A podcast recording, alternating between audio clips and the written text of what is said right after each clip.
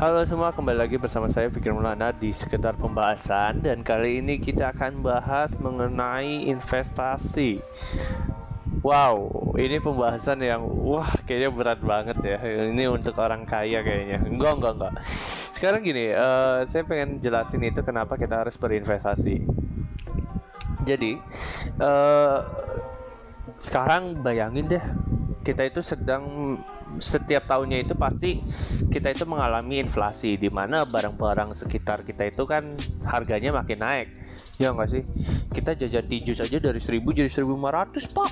Sekarang 1500 literally 500 perak naiknya lumayan loh. Kalau kita ngabisin dua atau tiga aja udah udah udah habis berapa? Udah habis 5000 dulu 5000 bisa beli apa apa sekarang 5000 emang bisa beli apa paling minum tijus dong itu juga satu. Satu sama makanan ciki ya. Jadi ciki aja sekarang 5000 susah dapatnya ya. Ada yang kecil sih tapi ya dapat ya tapi sekarang untuk dapetin ciki-ciki yang biasa kita makan kayaknya udah nggak ada nggak bisa deh 5000 ya nggak sih? Inflasi. Terus juga penyakit remaja zaman sekarang nih. Penyakit remaja zaman sekarang. Kalau diajak nongkrong pasti niat pasti niat pasti niat pasti pengen rasanya ya udahlah iyalah gabut di rumah udah sih aduh udah bete aja pandemi kayak gini apalagi pandemi kayak gini giliran ada waktu nongkrong ya udah nongkrong dan udah, udah setiap harinya sibuk sama tugas yang satu sibuk tiduran aja di kasur ngegame aja ya sudah bubar akhirnya jalan-jalan lah jajan lah. Bener gak? Kita tuh paling gak kuat nahan jajan itu tuh. Masalah kita tuh gak kuat nahan jajan. Bener gak sih? Uh, kadang jajan itu sekali sehari itu bisa ngabisin lima puluh ribu seratus ribu. Nah sedangkan ya kalau kalian tahu kalian tuh dalam uang seratus ribu itu tuh bisa diinvestasikan gitu. Nah jadi apa sih investasi itu Investasi adalah suatu kegiatan menanamkan modal, baik langsung maupun tidak, dengan harapan pada waktu nanti pemilik modal mendapatkan sejumlah keuntungan dari hasil penanaman modal tersebut. Nah, dalam Kamus Besar Bahasa Indonesia, investasi berarti penanaman uang atau modal pada suatu perusahaan atau proyek untuk untuk tujuan memperoleh keuntungan. Jadi kalau kamu investasi nih dengan uang yang tadi seharusnya kamu pakai buat jajan, itu bisa mencapai keuntungan yang bahkan bisa jadi dua kali lipat. Lalu kenapa nggak ditabung? Kenapa harus diinvestasi? Kenapa nggak ditabung aja? Mikir cuy, sekarang gini cuy. Uh, setiap tahunnya itu bank itu biasanya bukan setiap tahun, setiap bulan bahkan. Kalau lu nabung di bank, biasanya lu itu ditarik biaya administrasi bener gak sih? Kadang ada yang 15 ribu kadang 25 ribu ya nggak? Nah kalau di investasi itu lu nggak akan ketarik biaya administrasi maupun biaya pajak. Lu nggak akan ketarik sama sekali. Jadi duit tuh murni bersih uh, apa bawa 100 ribu. Misalkan lu investasi 100 ribu ya 100 ribu gitu. Nggak bakal kepotong apa-apa. Enak kan? Jadi nggak ada potong kan? Lu nggak rugi kan tapi jangan jangan takut ya jangan kaget. Karena setiap investasi itu ada ada nilainya dan nilainya berubah setiap satu bulan sekali eh setiap dua hari sekali atau tiga hari. Setiap hari itu berubah nilainya maaf. Investasi itu nilainya setiap hari berubah karena ya tergantung kondisi lingkungannya. Kalau lagi bagus ya naik kalau lagi jelek ya turun kayak gitu Uh, daripada kan kita jajan ngabisin 20 ribu apalagi di zaman pandemi kayak gini kita bingung untuk dapetin duit lebih ya nggak sih? Apalagi beberapa udah mulai dirumahkan dan susah dapat kerja. Dan bingung gitu. Dan juga kalian yang baru mungkin baru punya KTP baru lulus eh, baru mau lulus SMA baru punya KTP udah baru baru 17 tahun happy sweet 17 kayak gitu. Kalian bisa de, melakukan investasi ini gitu. Eh, jenis-jenis uh, investasi yang populer di Indonesia juga banyak. Ini dikutip dari hsbc.co.id ya. Ada beberapa investasi instrumen investasi yang populer dan menguntungkan di Indonesia. Yang pertama deposito. Jadi deposito tuh miripnya uh, mirip-mirip kayak tabungan lah. Tapi kalau uh, namanya kalau deposito, deposito sama tabungan itu ada dua hal yang membedakan. Ya, ini tingkat bunga dan adanya waktu jatuh tempo. Jadi kalau lu deposit nih, lu lu ngasih deposit atau uh, deposito lah, lu deposito itu biasanya lu dapat bunga dapat bunga itu kisaran 5 per sampai 6% per tahunnya. Jadi dalam ketentuan waktu itu lu deposit dalam satu tahun lu nggak bisa ngambil duitnya misalkan nggak bisa ngambil duitnya tapi ketika lu apa namanya lo satu tahun itu lo mau ambil, nah lo dapat lebihan, lebihannya itu bunganya kayak gitu. Jadi deposito ya lo dijangka waktunya, tapi ketika lo mau ngambil lo bisa, tapi lo nggak dapat bunganya. Tapi ketika lo mau dapat bunganya ya lu harus ambil sesuai dengan ketentuan waktu ketika berarti misalkan paling gampangnya lu setahun lu ambil baru lu dapat bunganya. Tapi di bawah satu tahun ya lu nggak dapat apa-apa tapi kecuali uang lu gitu. Jadi misalkan lu deposit uh, ribu ya lu misalkan di bawah 12 tahun eh 12 tahun. Ya di bawah satu tahun bapak cuma dapat seratus ribu. Jadi kalau uh, bapak ibu sekalian ingin dapat seratus enam ribu gitu kan seratus enam ribu bapak harus investasi uh, harus ngambilnya satu tahun kemudian gitu. Berarti kan ini deposito gitu kan jadi ada ada temponya lah. Terus emas nih emas nih yang paling gampang ya apalagi kalian nggak punya KTP juga kayaknya bisa deh emas. Emas itu ya kalian tahu sendiri lah emas lah apa yang perlu saya jelaskan mengenai emas? Semua orang tahu apa itu emas. Bener gak sih? Ya tapi gini uh, tapi resikonya juga rendah nih ya. Jadi investasi itu ada resiko tinggi ada resiko teng sedang ada rendah gitu. Tapi kita gampangnya ada rendah dan tinggi lah gitu. Rendah nih emas sama deposito itu rendah gitu resikonya rendah. Nah emasnya juga jangan kalung pak kalau kalung nanti dipakai sama uh, orang-orang pak. Dicolong. Emasnya tuh berupa batangan. Loh batangan bukannya mahal ya? Enggak. Batangan itu setiap bulannya kalau nggak salah kalian bisa lihat harga emas dunia. Di situ per setengah eh setengah gram pun ada. Itu tuh sekitar uh, ratus ribu atau 500 ribu gitu. Ya nggak tahu uh, bulan ini harganya berapa setengah gram tapi kalian bisa cek sendiri langsung di Google ya. Uh, emas batangan itu enak jadi uh, nilai emas batangan ini murni jadi dan dinilai dengan dari beratnya gitu.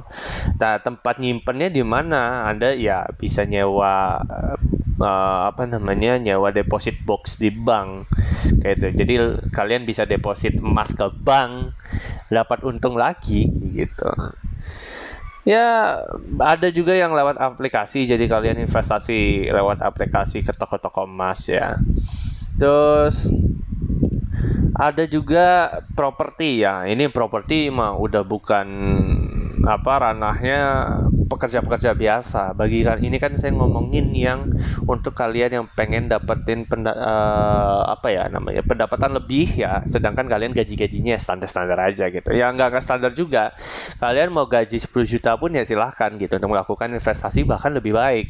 Tapi bagi kalian yang masih duitnya dari orang tua, masih duitnya part time lah gitu yang gajinya masih dapat gaji tapi di bawah UMR bahkan ada yang gajinya UMR ini investasi properti yang memang investasi jenis properti ini memang harus dihindari gitu. Dihindari dalam artian resikonya memang rendah tapi kan properti properti adalah aset yang bisa rusak oleh waktu gitu loh. Dan juga dia juga harus uh, apa namanya punya dana yang besar gitu. Di jarang banget orang yang ingin uh, apa ya penyedia investasi properti itu mereka menggunakan biaya yang kecil jadi jarang banget gitu. Nah, terus ada saham nih. Ya, saham itu ini paling tinggi, ini paling tinggi. Re, investasi saham ini paling tinggi resikonya karena setiap bergantung sama semua kondisi yang terjadi di dunia ini gitu. Saham sekarang lagi turun karena apa? Karena Covid. Bahkan sampai mencapai kerugian. Oh, ada tuh ya saya dengar cerita Pak orang nanam saham 100 juta pak. Sekarang hilang 20 juta tinggal 80 juta. Gara-gara covid pak. Itu 20 juta hilang gitu aja. Nggak hilang sih sebenarnya karena uh, harganya kan lagi turun tuh. Jadi emang harganya berkurang gitu si nilai saham ini berkurang kayak gitu. Jadi saham tuh ya apa sih saham? Kalau kalian masih bingungnya saham tuh merupakan uh, bukti kepemilikan sebuah perusahaan. Jadi saat anda mau beli saham nih ya saat bapak-bapak ibu-ibu beli saham pada dasarnya anda membeli sebagian kepemilikan atas perusahaan yang mengeluarkannya gitu. Jadi bapak ibu sekalian kalau bapak ibu beli saham atas perusahaan A gitu bapak tuh bapak ibu tuh memiliki uh, sebagian saham yang di, dimiliki oleh perusahaan itu. Di, jadi bapak tuh ya owner lah cuman ya sedikit banget gitu sedikit banget. Kayak Pertamina. Pertamina itu sahamnya banyak kan sahamnya banyak. Tapi uh, dari pengumpulan saham itu yang punya saham terbanyak mereka lah yang jadi uh, ininya gitu pemegang Pertamina-nya kayak gitu. Nah ini yang paling uh, ada juga reksadana. Apa sih reksadana? Secara sederhana ya, reksadana adalah sebuah instrumen investasi di mana dana dari beberapa investor dikumpulkan menjadi satu untuk kemudian investasikan ke instrumen-instrumen investasi yang ada di pasar modal gitu. Ya jenis-jenisnya reksadana tuh banyak lah uh, apa namanya kalau ini yang paling populer ya apalagi buat pemula jadi reksadana itu emang bener-bener bagus untuk pemula gitu. Terus ada yang investasi mengenai peer to peer lending. Jadi peer to peer lending, lend, peer to peer lending, uh, ya lending ya begitu. Tergolong masih cukup baru ya, tapi di Indonesia ini masih baru, tapi popularitasnya masih lagi merejit gitu. Karena dengan kejelasan hukum dan kemudahan yang ditawarkan kayak gitu. Sekarang kita balik lagi nih. Jadi yang paling cocok untuk pemula apa? Nah, yang cocok bagi pemula adalah ada empat jenis menurut coinworks.com. Ya, yang empat empat itu adalah reksadana, saham, emas, dan properti. Tapi properti untuk bagi mereka yang memiliki modal lebih loh ya. Oh, kenapa sih ini reksadana disebut terus nih ya guys? Guys, biar kayak youtuber saya ngomong ya guys. Jadi reksadana itu kenapa uh, banyak disebutin dan bagus untuk pemula ya, ramah untuk pemula. Karena gini ya, reksadana itu pertama udah diawasi oleh otoritas jasa keuangan OJK ya nggak sih? Udah jadi emang semua bank koperasi dan lain-lain itu harus ada uh, pengawasan dari OJK Otoritas Jasa Keuangan. Jadi nggak usah khawatir ya, dananya bak, uh, bakal dialihin secara ilegal ya. Jadi sudah berada di bawah undang-undang satu. Kedua, itu kalian nanam modalnya itu sedikit banget, sedikit banget, parah dikit banget. Sepuluh ribu cuy, sepuluh ribu uang sepuluh ribu lu udah bisa investasiin cuy. Sepuluh ribu gila nggak lu? Lu lu biaya makan lu sekali itu lu bisa investasiin. Bayangin nggak? Bisa diinvestasiin ke reksadana. Sepuluh ribu coy. Dengan uang sepuluh ribu lu bisa investasi dan akhirnya lu bisa dapat keuntungan di ta ya enggak sih di beberapa bulan berikutnya walaupun kecil. Kalau lu mau gede ya di beberapa tahun berikutnya gitu. Karena emang bagusnya investasi itu jangka panjang gitu. Jangka panjang iya jelas. Uh, jadi kan investasi itu ada jangka pendek jangka panjang. Jenis investasi jangka pendek itu cukup uh, dilihat dari 3 sampai 12 bulan. Berarti 3 sampai 1 tahun itu jangka pendek gitu. Jadi sekedar kamu nyimpen tabungan kamu ke untuk jadi investasi karena lu ke, kalian nggak mau dicabut buat biaya administrasi dong, nilai kalian nggak mau berkurang dong. Jadi akhirnya investasi jangka pendek daripada kalian harus kena biaya administrasi, ya nggak sih? Capek pak, uh, kadang-kadang uh, lagi butuh-butuhnya dua puluh lima ribu, eh tahunya keambil biaya administrasi, eh tahunya ATM-nya nggak bisa ditarik. Ya kan kadang-kadang kayak gitu. Masukkan minimal saldonya di ATM seratus ribu tahu-tahu ketarik tuh dua puluh ribu. Wah wis bubar. Ya udah bubar gitu jadi ada jangka pendek jangka panjang. Jadi kalau jangka pendek itu biasanya orang-orang yang pengen nabung. Pengen nabung tapi goalsnya tuh tujuannya tuh ya cuma buat tabungan aja gitu. Bukan buat masa depan nanti gitu. Ya gitulah pres, uh, itulah yang dimaksud jangka pendek. Nah jangka panjang itu kamu perkiraan kamu kamu lima tahun ini saya akan beli rumah. 10 tahun lagi saya akan uh, jadi ini dan saya butuh duit kayak gini. Nah itu investasi jangka panjang. Pasti kan kalian kalau ya pergi uh, wawancara pasti dalam lima tahun lagi kalian pikir kalian bakal jadi apa? Gitu kan. Suka suka orang-orang tuh suka apa HR HR tuh suka nanya ke kalian kan. Lima tahun lagi kalian bakal jadi apa? Bayangkan bayangkan ya jadi renungan. Ya, jangka panjang tuh gitu. Jadi emang dibuat untuk hmm, tujuan yang lebih tinggi lagi dan di emang butuh proses yang lama untuk mencapai tujuan itu. Makanya ada investasi jangka panjang kayak gitu. Nah uh, kalau kita bayangin ya kita nginvestasi sepuluh ribu setiap bulan atau atau misalkan diakumulasikan setiap bulannya nabung lima puluh ribu gitu kan. lima puluh ribu nih uh, rutin lima puluh ribu lima puluh ribu lima puluh ribu.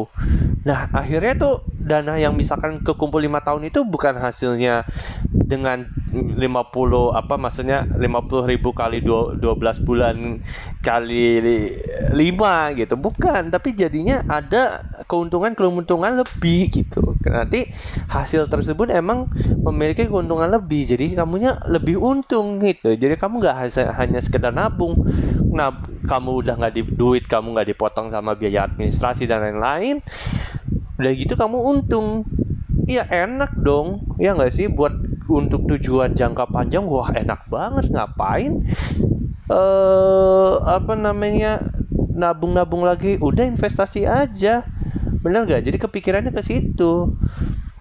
Ya walaupun tabungan juga butuh karena kadang-kadang uh, proses untuk pengambilan penjualan uh, sorry proses untuk penjualan ini di reksadana itu satu satu minggu ya. Kadang-kadang kan kita butuh uang dadakan tuh ya butuh lah tabungan. Tapi kan bisa 10% ya 10% atau 20% uang yang kamu tabungin itu kamu bisa investasiin ya nggak sih? Misalkan gaji kamu 100% gaji kamu itu kamu masukin dulu ke tabungan. Terus kamu kan bagi-bagi lagi berapa persen berapa persennya buat kehidupan buat biaya makan buat jalan-jalan segala macam nah kalau kalian investasi 20% ya itu kan setiap bulannya 20% wah luar biasa. Dalam waktu lima tahun misalkan. Lima tahun wah kamu udah kayaknya udah dapet tuh 100 juta kayaknya iyalah iya nggak sih? Soalnya kamu misalkan dari satu juta aja kan 20% berarti 200 ribu. 200 ribu dalam satu tahun aja kalian bisa dapat 2 juta 400 ya nggak sih? Kali 12 2 juta 400 itu untuk satu tahun. Kali 5 berapa? 10 juta? Eh, sorry 12 juta. Bener gak sih? Bener gak sih? Apa saya yang bego? Matematika. Tolong manusia berpikir. Uh, iya benar. Anda anda bisa dapat 12 juta anda bisa dapat 12 juta dalam lima tahun. Tapi nggak hanya 12 juta, itu ada bunga, bunga, bunga, bunganya. Ada lebihan, lebihan, lebihannya. Jadi bukan hanya 12 juta, bisa jadi Anda bisa dapat 14 juta. Jadi bisa untung 2 juta. Mantep itu udah udah udah udah enak banget hidupnya itu baru lima tahun kebayang nanti kalian 20 tahun investasi terus gak diambil ambil duitnya waduh Pak 10 tahun jangankan 20 tahun 10 tahun aja Bapak udah bisa beli rumah. Enak. Zaman sekarang tuh sekarang teknologi tuh lagi bagus-bagusnya. Indonesia mengusung teknologi 4.0 semua udah pakai aplikasi coy. Ya nggak sih? Sekarang dulu mau beli uh, masuk tol aja harus di tap ya nggak sih? Harus di tap tap pakai kartu. Sekarang isi kartunya nggak usah ke Indomaret lewat HP sendiri juga bisa pakai NFC gampang sekarang. Semua dipermudah dengan teknologi.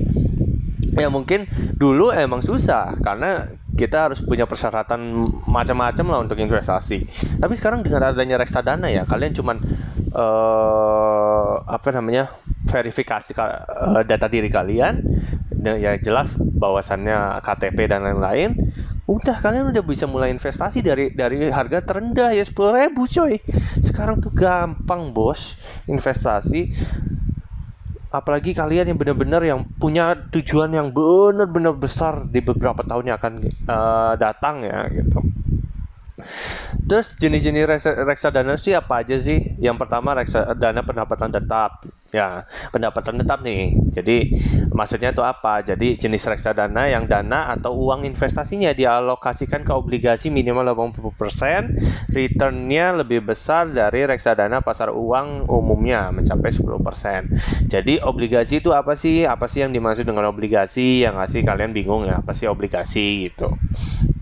Nah, obligasi itu adalah menurut coinworks.com lagi ya, karena ini situsnya mengenai investasi dan lain-lain. Jadi obligasi itu ini, jadi gini, ketika perusahaan nih ya atau saya butuh uang gitu, saya butuh uang buat nggak iya buat kebutuhan saya gitu. Nah, saya nggak mau minjem uang, Nah, saya ciptakanlah obligasi. Jadi, obligasi itu bentuk hutang di mana korporasi atau pemerintah adalah peminjam, sementara kamu pemberi obligasi adalah pemberi pinjaman.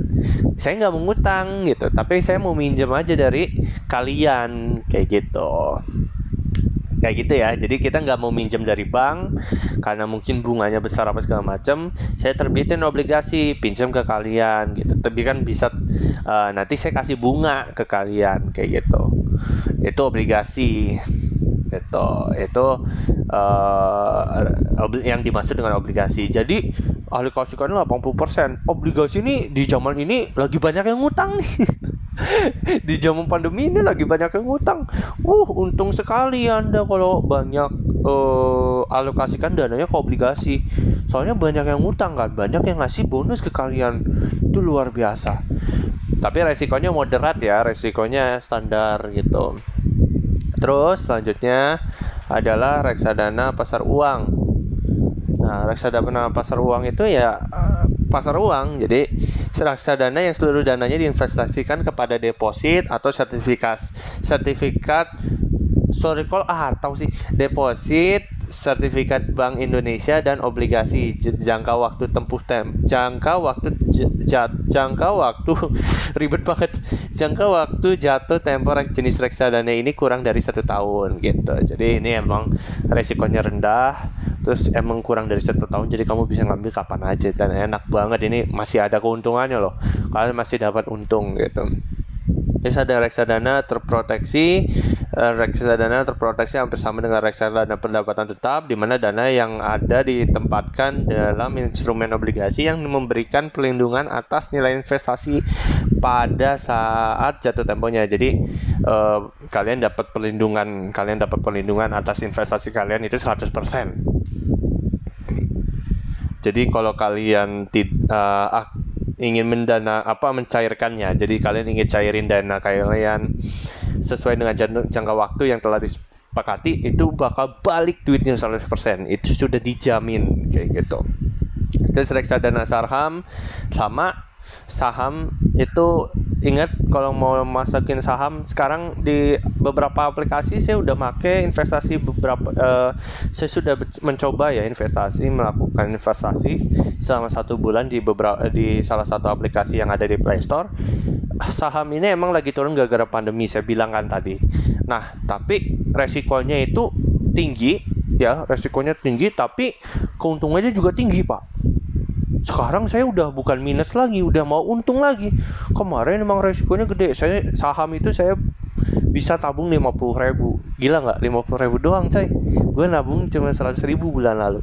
Sekarang 50 ribu. Saham gue itu sempat turun seanjok-anjoknya itu 4 uang gue tuh berkurang jadi 45 ribu.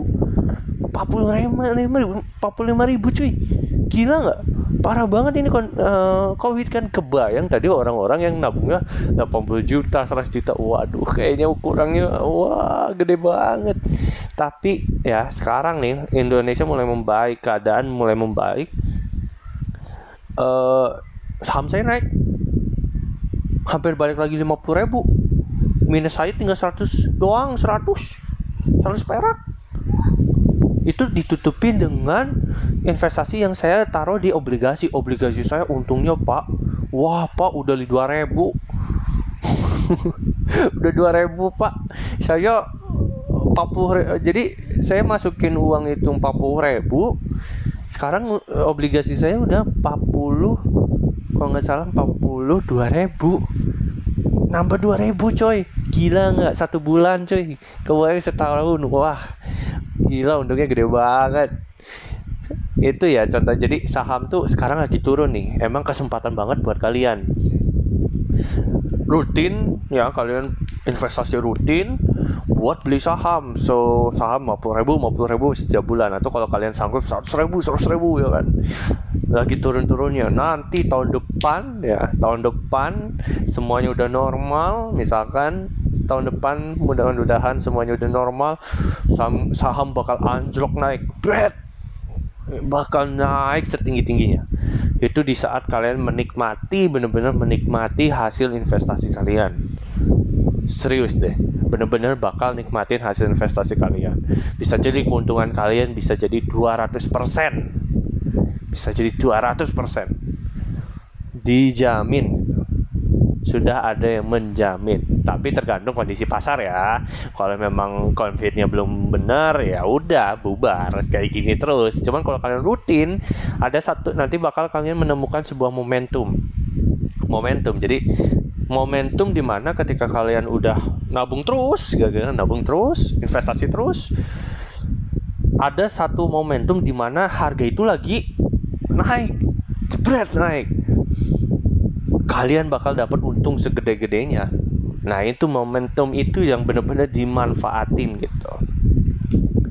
Nah, terus ada reksadana campuran. Tadi itu saham. Emang saham itu enak banget pembahasannya. Kalian bisa cari podcast-podcast lain, seminar-seminar lain gitu kan mengenai investasi saham ini. Karena emang saham ini kalau kalian udah jago gitu, udah jago, udah mantap, udah biasa udah biasa main saham, enak kalian gak usah bekerja serius kalian gak usah kerja. Kalian cuma tidur di rumah mainan saham setiap hari lihat TV ngeliatin harga saham pasar setiap hari naik turunnya berapa kalian jual beli jual beli. Wah udah kalian gak usah kerja. Tidurannya di rumah serius. Ini mah udah enak banget gitu Terus yang terakhir nih, eh, bukan yang terakhir. Ini yang kelima itu ada reksadana campuran. Jadi reksadana campuran itu menempatkan dana investasi ke instrumen campuran seperti saham, obligasi dan deposito gitu. Jadi dicampur semua semua reksadana itu dicampur gitu. Nah, reksadana itu kalian bisa beli ya, bisa beli di bank yang memiliki uh, izin sebagai agen penjual reksadana gitu. Ada juga yang beberapa aplikasi atau perusahaan yang menjual reksadana ya kan?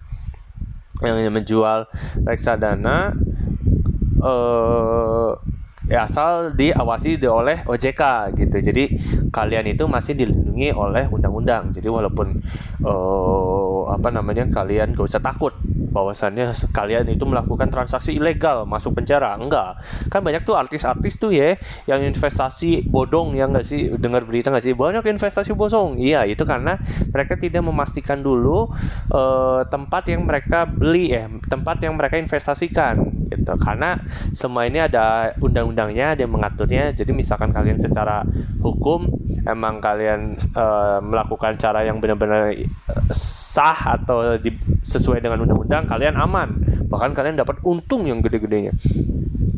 Emang kalau jadi pemula itu uh, enaknya gini kita nabung itu harus setiap bulan um, bukan kita rutin lah. Kalau kalau jadi pemula itu kita harus rutin investasinya rutin. Jadi nggak lihat harganya naik nggak lihat harganya turun ya tetap udah beli aja terus gitu. Rutin aja tiap bulan mau lima puluh ribu ke mau seratus ribu gitu nanti ad, saya bilang kayak tadi ada momentum di mana harga itu bakal harga harga itu bakal naik. Dengan hasil tabungan rutin kamu kamu bakal dapat untung segede-gedenya gitu. Terus kalau ya kalau gitu. Kalau uh, kalian terlalu agamais misalkan. Maaf saya tidak menyalahkan tapi kok kalian saya garis keras saya tidak mau dengan cara-cara yang haram Tenang, reksadana punya jenis reksadana syariah. Kalian nggak salah dengar. Ada reksadana syariah. Ini untuk ya bagi mereka-mereka yang ingin menggunakan uh, ingin berinvestasi dengan cara yang syariah gitu. Jadi uh, kalian gak gak mesti untuk gak mesti takut kalian melakukan cara-cara yang haram ya. Dengan uh, reksadana syariah ini kalian bisa uh, berinvestasi tenang nyantai sesuai dengan syariat yang berlaku gitu. Jadi uh, walaupun mungkin saya juga kurang tahu bedanya ya apa bedanya syariah sama itu mungkin uh, syariah uh, yang jelas satu hal yang pasti bahwa syariah itu dikelola secara uh, syariat yang berlaku gitu dengan cara agama yang berlaku gitu. Misalkan uh, syariah lebih lebih identik dengan Islam ya. Jadi dengan cara cara agama Islam yang Islam ajarkan kayak gitu dengan cara-cara agama lah syariah kayak gitu. Jadi bagi kalian yang saya cinta sejati agama saya gitu. Tapi saya tidak ingin melakukan hal haram gitu. Kan tadi banyak bunga segala macam. Mungkin bagi kalian bunga itu haram gitu kan. Ada beberapa yang meyakini juga uh, seperti itu ya sudah nggak apa-apa. Tapi di sini ada uh, reksadana syariah yang yang memberikan apa ya solusi buat kalian bagi para uh, penganut agama ya sih? Penganut agama yang benar-benar ingin menetapkan jalan gitu kan menetapkan jalan. Ya Allah saya ingin berada di jalan yang lurus gitu. Nah ini reksadana syariah itu sebagai solusi. Jadi emang benar-benar dijalankan sesuai dengan syariat syariat Islam. Jadi kalian tidak perlu takut untuk merasa bahwa diri saya haram bukan bukan. Jadi merasa uh, apa yang kalian lakukan itu haram. Ya lebih tepatnya itu bukan diri saya haram. Jadi gitulah. Banyak banget sekarang tuh gampang banget untuk investasi ya. Kalian mau pakai apa aja juga bisa. Kalau kalian butuh uh, apa ya butuh uang langsung uh, deket-deket kayak sebulan setiap bulan ingin dapat pendapatan. Kalian juga selain investasi kalian bisa kerja jadi dropshipper. Drop dropshipper ya dropshipper yang kayak nggak jual barang langsung dari supplier kan gitu. Sekarang banyak juga aplikasi-aplikasi yang uh, membantu gitu uh, untuk mendapatkan uang dengan cara yang benar dan halal gitu. Nah, duit kalian tuh bisa diinvestasi. Sedangkan investasi ini emang benar-benar ngebantu kalian daripada kalian nabung gitu kan, daripada kalian nabung uh, kepotong buat administrasi lebih baik kalian investasiin ke saham. Nggak kena pajak nggak kena uh, biaya administrasi dan lain-lain. Uang kalian benar-benar utuh 100% utuh. Kalau kurang nantinya yaitu karena harganya sedang turun gitu. Harga harga investasi kalian lagi turun gitu. Jadi sebagai investor-investor pemula emang disaranin emang buat nabung per bulan. Jadi rutin gitu. Kita yang kita incer itu momentum.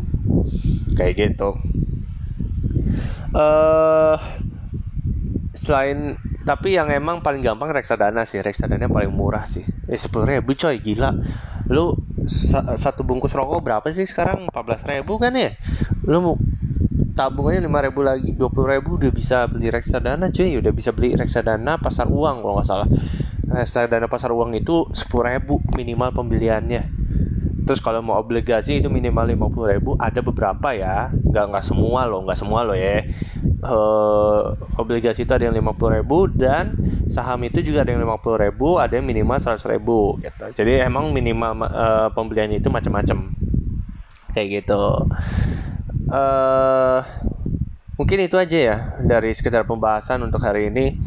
Saya berpesan karena memang investasi ini lagi uh, zaman milenial ini uh, investasi itu penting penting banget lihat dengan kondisi zaman seperti ini ya. Uh, harga-harga bakal naik ke depannya dan kita pun gaji pun kayaknya udah nggak akan cukup untuk beli apa-apa gitu kecuali untuk memenuhi kebutuhan diri kita sendiri.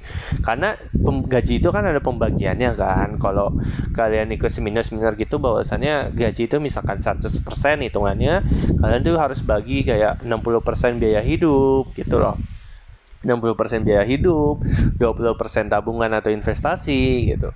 Terus uh, misalkan kalian suka beramal 10% amal gitu. Nah, itu sisanya buat apa ya? Jalan-jalan. Bisa kayak gitu. Jadi peng, apa kalian harus memanage harus mengatur ke keuangan kalian sendiri gitu. karena eh, kalau tidak bisa memanage gaji berapapun gaji berapapun saya kasih tahu gaji berapapun ya gaji berapapun yang kalian miliki kalian tidak akan pernah puas dan kalian tidak akan pernah merasa cukup atas apa yang kalian uh, peroleh dan akan selalu habis uang yang kalian miliki. Tanpa tersisa dan bahkan kita nggak tahu bisa buat apa. Jadi mulai memanage ya apalagi zaman covid kayak gini semua harga kan lagi pada rugi dan ini saat yang tepat untuk investasi. Saat yang tepat karena dengan investasi kita bantu perusahaan-perusahaan tersebut untuk balik ya balik hmm, ke masa primanya gitu masa kejayaannya kita membantu mereka mereka juga akan mengasih keuntungan ke kita kayak gitu. Memang ini bagus lagi bagus bagus bagusnya. Jadi uh, waktu yang tepat untuk investasi kita milenial harus bisa berinvestasi. Jangan mau kalah sama golongan tua. Nanti jangan sampai kita sudah besar kita telat memulai. Lebih baik kita mulai dari sekarang kita belajar kita rugi kita untung itu lebih bagus sekarang. Karena nanti di masa tua ketika kalian punya uang banyak tahunya mau investasi tahunya gagal kalian tidak kalian akan merasa uh, apa ya merasa sedih kecewa gitu. Kenapa nggak dari dulu saya melakukan ini? Karena sekali kamu melakukan investasi ya, itu kamu bakal ketagihan. Ketagihan dan mata kamu, wah kayaknya udahlah enak ya investasi sih dapat untung. Karena kita ngelihat duit sih bos.